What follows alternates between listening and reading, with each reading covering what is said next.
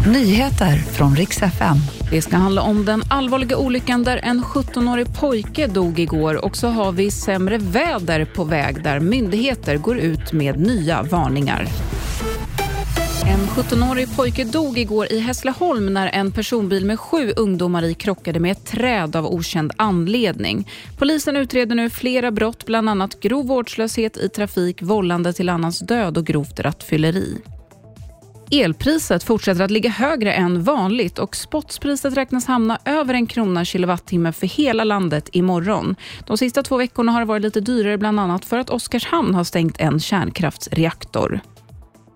SMHI varnar för mer vind och snöfall i flera delar av landet och det kan bli problem för kollektiv- och flygtrafiken och även risk att elen försvinner på många platser. Och det här gäller i hela södra Sverige ungefär upp till Uppsala. Företaget Victoria's Secret kanske mest kända för sina spektakulära modeshower där de visade underkläder. Men efter rätt så mycket kritik så la de ner hela modeshowen men nu meddelar de att Victoria's Secret Fashion Show kommer tillbaka senare i år med nya riktlinjer där showen har uppdraget att stärka kvinnor. Exakt vad som menas med det här har de inte riktigt berättat än så det blir spännande att se. Det var nyheterna med mig, Sofie Hodén.